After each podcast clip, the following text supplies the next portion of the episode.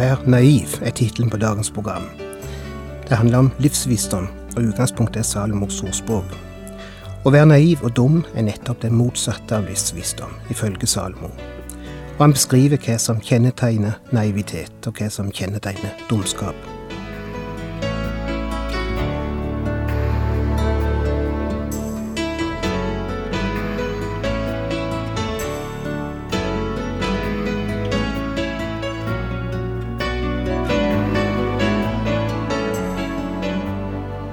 Hjertelig velkommen til et nytt program i serien Vindu mot livet. Vindu mot livet er basert på programserien Insight for Living ved Chuck Svindal. Programmet er produsert av Kristen Riksradio og blir ledet av Ola Joland.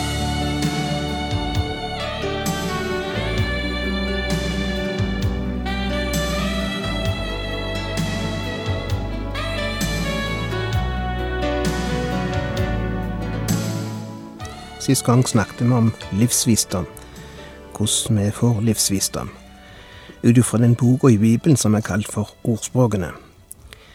Vi skal i dag se litt på en spesiell karakteristikk av menneskene, som vi finner først i vers fire i kapittel én, og også seinere i kapittelet og i boka.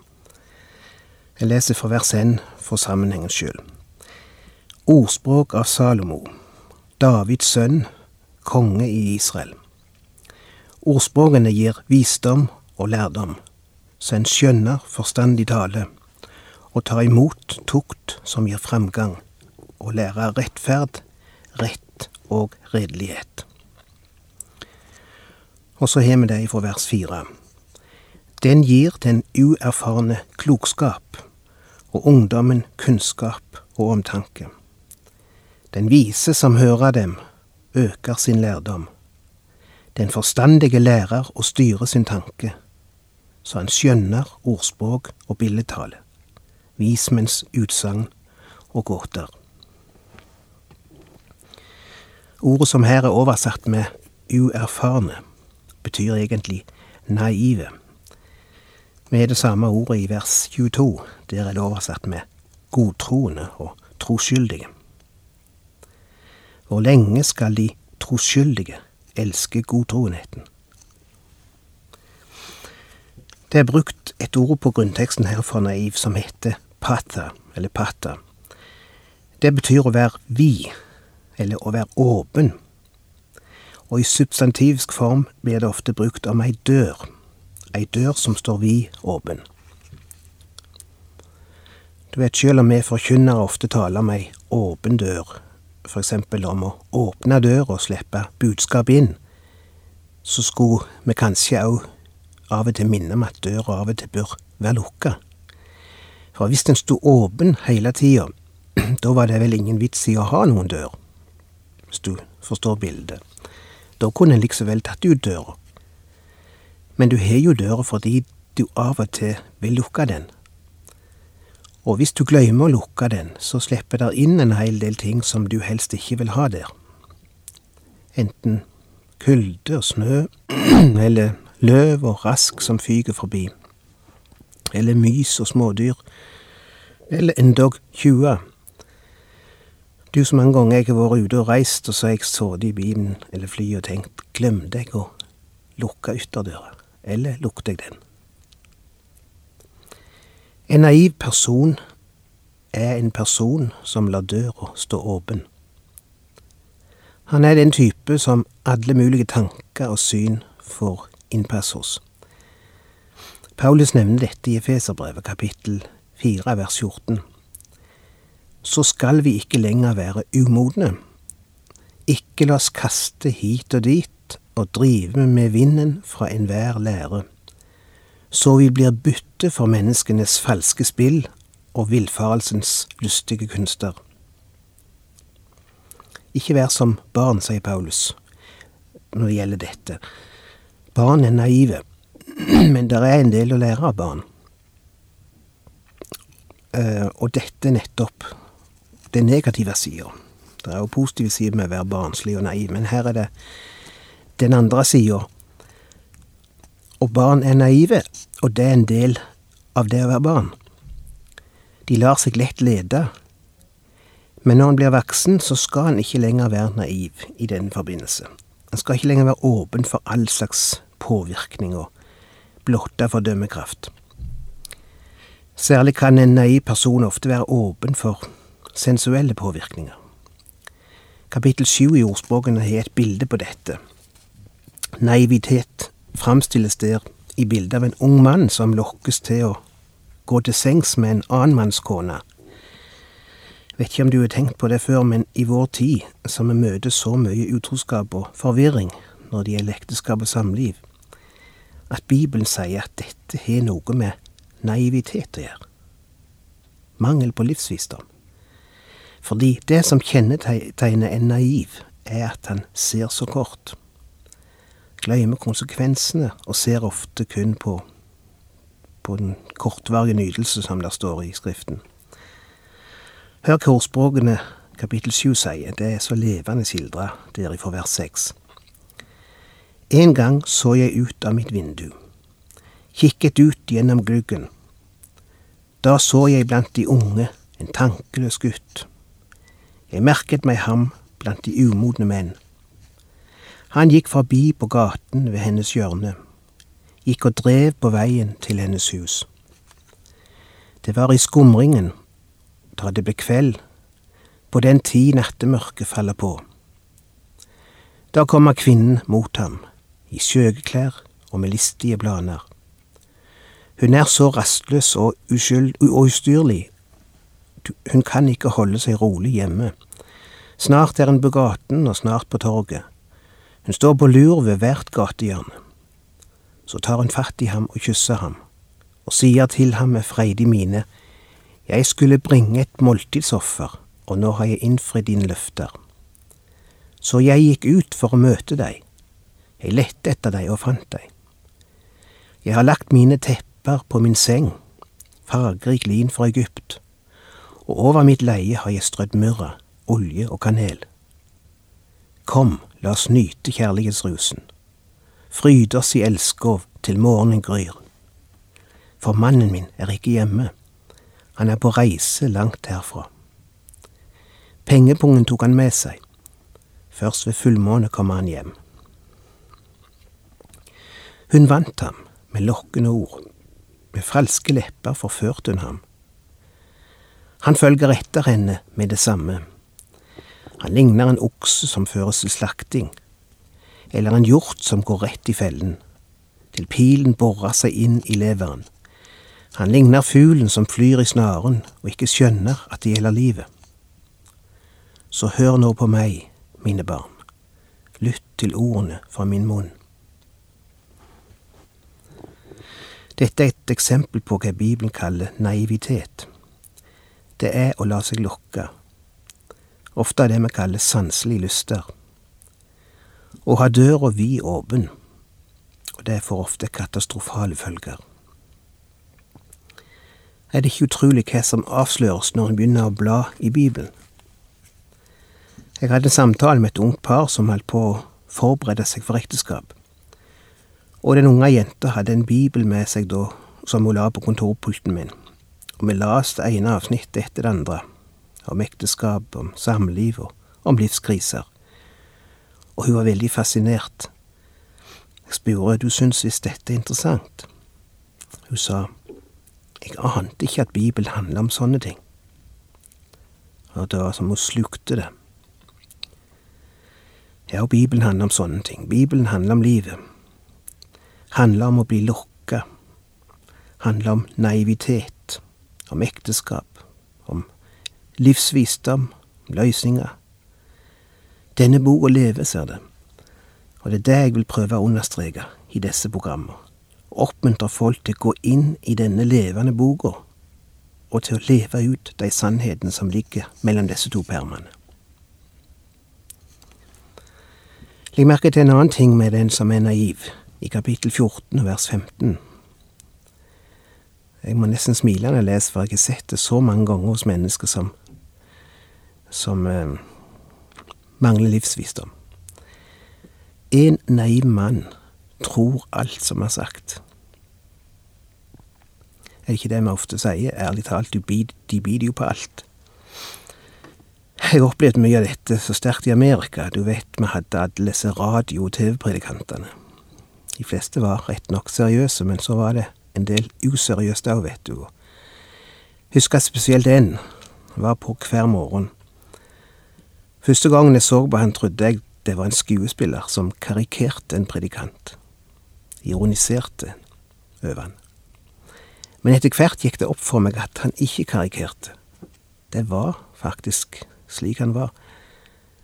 Det var ei suppe av bønn og håndspåleggelse og tungetale og manipulering og tigging om penger. Jeg satt med åpen munn og stirra vantro på det jeg så. Og han snakket hele tida, i nesten en time, om hvordan Gud skulle tilfredsstille alle ens behov og gi oss alt vi ba om, og gi oss lykke og framgang og rikdom og suksess og penger og alt, bare vi hadde tru nok. Og hvordan skulle vi vise for Gud at vi hadde stor tru? Ja, det skulle vi gjøre ved å ringe inn til han, hans nummer, og så gi så og så mye penger til hans arbeid. Hvis vi gjorde det, skulle lykken og belønningen komme umiddelbart. Og det som skremte meg mest, var ikke at enkelte falske predikanter kan stå fram og misbruke Guds ord på den måten til egen nytte. Men det som skremte meg mest, var at det fantes, fantes så mange folk som trodde på dette. For det måtte jo være tusenvis som støtta programmet hans og fulgte oppfordringen. Ellers kunne han ikke holdt det gående hver dag i måned etter måned. Og jeg tenkte, fins det virkelig folk som er så naive at de lar seg lede av noe sånn, at ikke de gjennomskuer det? Fins det virkelig tusen på tusen av mennesker som er så naive? Vi ser det like ofte her hjemme, dog i litt andre sammenhenger, hvor lett folk sluker alt som blir sagt, i media for eksempel, i aviser og ukeblad. Folk tror alt. Bare det står på trykk i ei avis, så tror en det. Hvis ei avis for eksempel slår opp et rykte om en person, påstand om et eller annet i denne personens privatliv for eksempel, så tror folk det. Uansett hvor usannsynlig det måtte være, folk tror blindt på avisens versjon. Og det blir nesten umulig seinere å avsanne det ryktet, eller å gi historien en annen versjon, for folk har trodd på det som de har lest.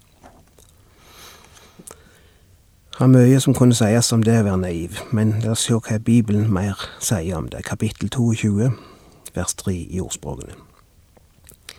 Den kloke ser ulykken komme og søker skjul. De naive går på og må bøte. Her står det egentlig på grunnteksten Den naive går på limpinnen om igjen og om igjen og om igjen. De gjør en feil, men lærer ikke av den. De fortsetter bare å gjøre det samme, de samme feiltrinn om igjen og om igjen. Du ser, Bibelen regner ikke med at du skal klare å leve fullkomment, at du skal bli perfekt. Det regner ikke Gud med. Men at du lærer av feilene og ikke fortsetter å gjøre de samme feil om igjen og om igjen. Du lærer av den feilen du gjorde, og retter på den. Det er det ordspråkene kaller for livsvisdom. Så er det et annet interessant ord om dette, i kapittel um, 1, vers 4. Der står det noe om um, klokskap. Jeg har sett på det, men la meg trekke det òg inn i denne sammenheng. Men ordet for klokskap, hebraiske ordet, som er brukt der, betyr egentlig å kle av. Noen plasser i Det gamle samentet er det oversatt med kle naken. Og det inneholder ideen om at den naive mangler klokskap, det vil si, den naive mangler evnen til å kle av ting. Han lar seg imponere over klærne, det ytre, når han møter ting i plassen for å kle av det, ytre og se hva det egentlig er innenfor. Altså med andre ord å avsløre. For en stund tilbake kom det noen og snakket til meg om ei ung jente som var i ferd med å innlede et forhold til en mann som, som alle vennene så ikke passet for henne. Det var så klart for disse, eller for oss alle, at disse to ikke kunne passe sammen, og de burde ikke gifte seg, av forskjellige grunner. Og vennene hennes prøvde å snakke til henne, men hun ville ikke høre på dem. Hun trua faktisk med å reise bort og flytte bort ifra alle rådene som for henne opplevdes som en baktalelse av han hun var forelska i. Hva var det som var så galt med denne jenta? Hun var en nydelig kristen jente, men feilen var at hun var naiv. Hun mangla evnen til å kle av evnen til å se mer enn det ytre, og å se inn i denne personen, hvem han virkelig var. Dette gir meg anledning til å si noen visdomsord til deg som er unge. Det kan ofte være vanskelig å høre på de eldres råd, for eksempel foreldrene. Foreldrene trekker ofte fram andre sider ved den personen du er sammen med, for eksempel, eller den ting du er opptatt av. Foreldre kan ofte ha evnen til å se lenger enn du sjøl, og nettopp kle av tingene. Fordi når du er ung, er du ofte litt mer naiv enn når du blir eldre. Det er ikke en fornærmelse, det er en del av det å være ung. Og det trenger ikke være noe galt i å være naiv på mange områder, men foreldre kan ofte ha evnen til å se litt lenger, og de vil gjerne dele med deg det de ser du ikke ser. Og det er nok en tendens at en ungdom ikke vil høre på det. Og det kan være mangel på klokskap. Livsvisdom innebærer jo dette å høre litt på de som har erfaring, og la dere visdom få korrigere oss. Og Gud belønner faktisk de som hører på sine foreldre, hvis de er vise foreldre, selvfølgelig. Ja, endog om foreldrene kan ta feil. Det skal Gud ta seg av, men han belønner prinsippet lydighet. Alle disse ordene om visdom reiser sikkert mange spørsmål hos deg. Hva er så viktig med visdom? Hvorfor er det så viktig å være opptatt av det? Hvorfor kan en ikke like godt leve etter sine følelser, impulser? La impulser og følelser få utfolde seg. Hvorfor skulle jeg stoppe en sjøltilfredsstillende egoreis og venne meg til livsvisdom? Hva er så viktig med livsvisdom? Svaret er jo at Bibelen gir oss Eh, eller gir oss livsvisdom fordi livsvisdom neste omgang gir oss et bedre liv. Det er det det dreier seg om. Det er hjelp til å leve.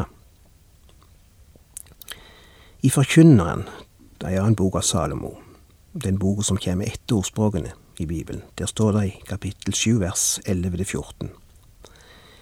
Visdom er jevngod med arv en vinning for dem som ser dagens lys. Å være i visdommens skygge er som å være beskyttet av penger, og fordelen med kunnskap er at visdom holder sin mann i live. Se på det som Gud har gjort. Hvem kan rette det han har gjort kroket? Vær glad når dagen er god, men er den ond, skal du tenke på det andre. Eller skal du tenke på at det er Gud som har skapt den, likså vel som den andre, for at menneskene ikke skal finne ut noe om det som kommer etter. Hvis jeg forstår Salomo rett her, så sier han at livsvisdom beskytter oss, og videre et livsvis som gir oss et guddommelig perspektiv over livet, eller for å si det litt mer hverdagslig, hjelpe oss til å se livet fra Guds plass. Jeg har ofte tenkt når jeg ser det overfor mennesker som stirrer seg blinde på et problem, eller et tap, eller en bekymring. Tenk på en kunne, hvis en kunne fått sittet ved Guds, eller ved sida av Gud, og sett alt i hans perspektiv. Hvordan ville ikke mange ting tatt seg annerledes ut når en fikk se det i perspektiv? Salomo ropa ut, Vær glad når dagen er god. Ikke la noe, synd eller skyld eller bekymringer, føyelegge de gode dagene. Vær glad når dagen er god.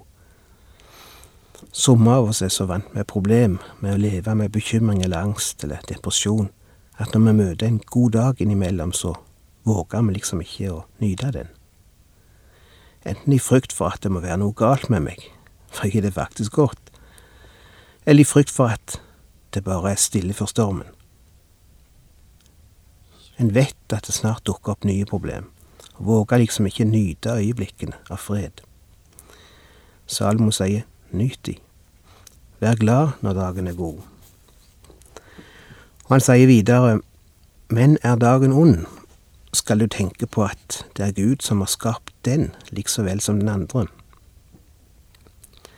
Når jeg får se det fra Guds perspektiv, blir jeg minnet om at Gud er like mye involvert i mitt liv, og like mye omsorg for meg når jeg opplever motgang som når ting går godt. Du skal tenke på dette, sier Salomo. Tenke på de vanskelige perioder, når bonden faller ut av livet ditt, når du opplever økonomiske problemer, eller når du sliter med fysisk eller psykisk sykdom. Da skal du tenke på dette at det er Gud som har skapt den dagen, likevel som den andre. Ikke at han har skapt det vonde, eller sendt deg det vonde, men han har skapt dagen, som inneholder òg det vonde, og har dagen i sine hender. Han har deg, i sine hender, og han har det vonde i sine hender. Så er det den gode nyhet i dag at en slik livsvisdom kan vi få dele i gjennom fellesskap med Jesus. Han er den kanal all livsvisdom flyter gjennom. Når du kommer til Jesus, får du en åpen adgang til Guds visdom. Med Guds sønn kommer også Guds visdom. Det er en del av samme pakke, slik som det står i 1. Korinterne 1,30. Dere er Hans verk, Jesus Kristus, Han som er blitt vår visdom fra Gud, vår rettferdighet, helliggjørelse og forløsning. Du har hørt på et program i traserien Vindu mot livet med Ola Bjoland. Dette programmet kan du også høre på våre nettsider p7.no. Har du spørsmål eller kommentarer til det du nå har hørt, kan du ta kontakt med oss. Vårt telefonnummer er 56 32 1701. Om du heller ønsker å sende oss en e-post, kan du bruke adressen post krøllalfa p7.no. Takk for i dag, og på gjenhør.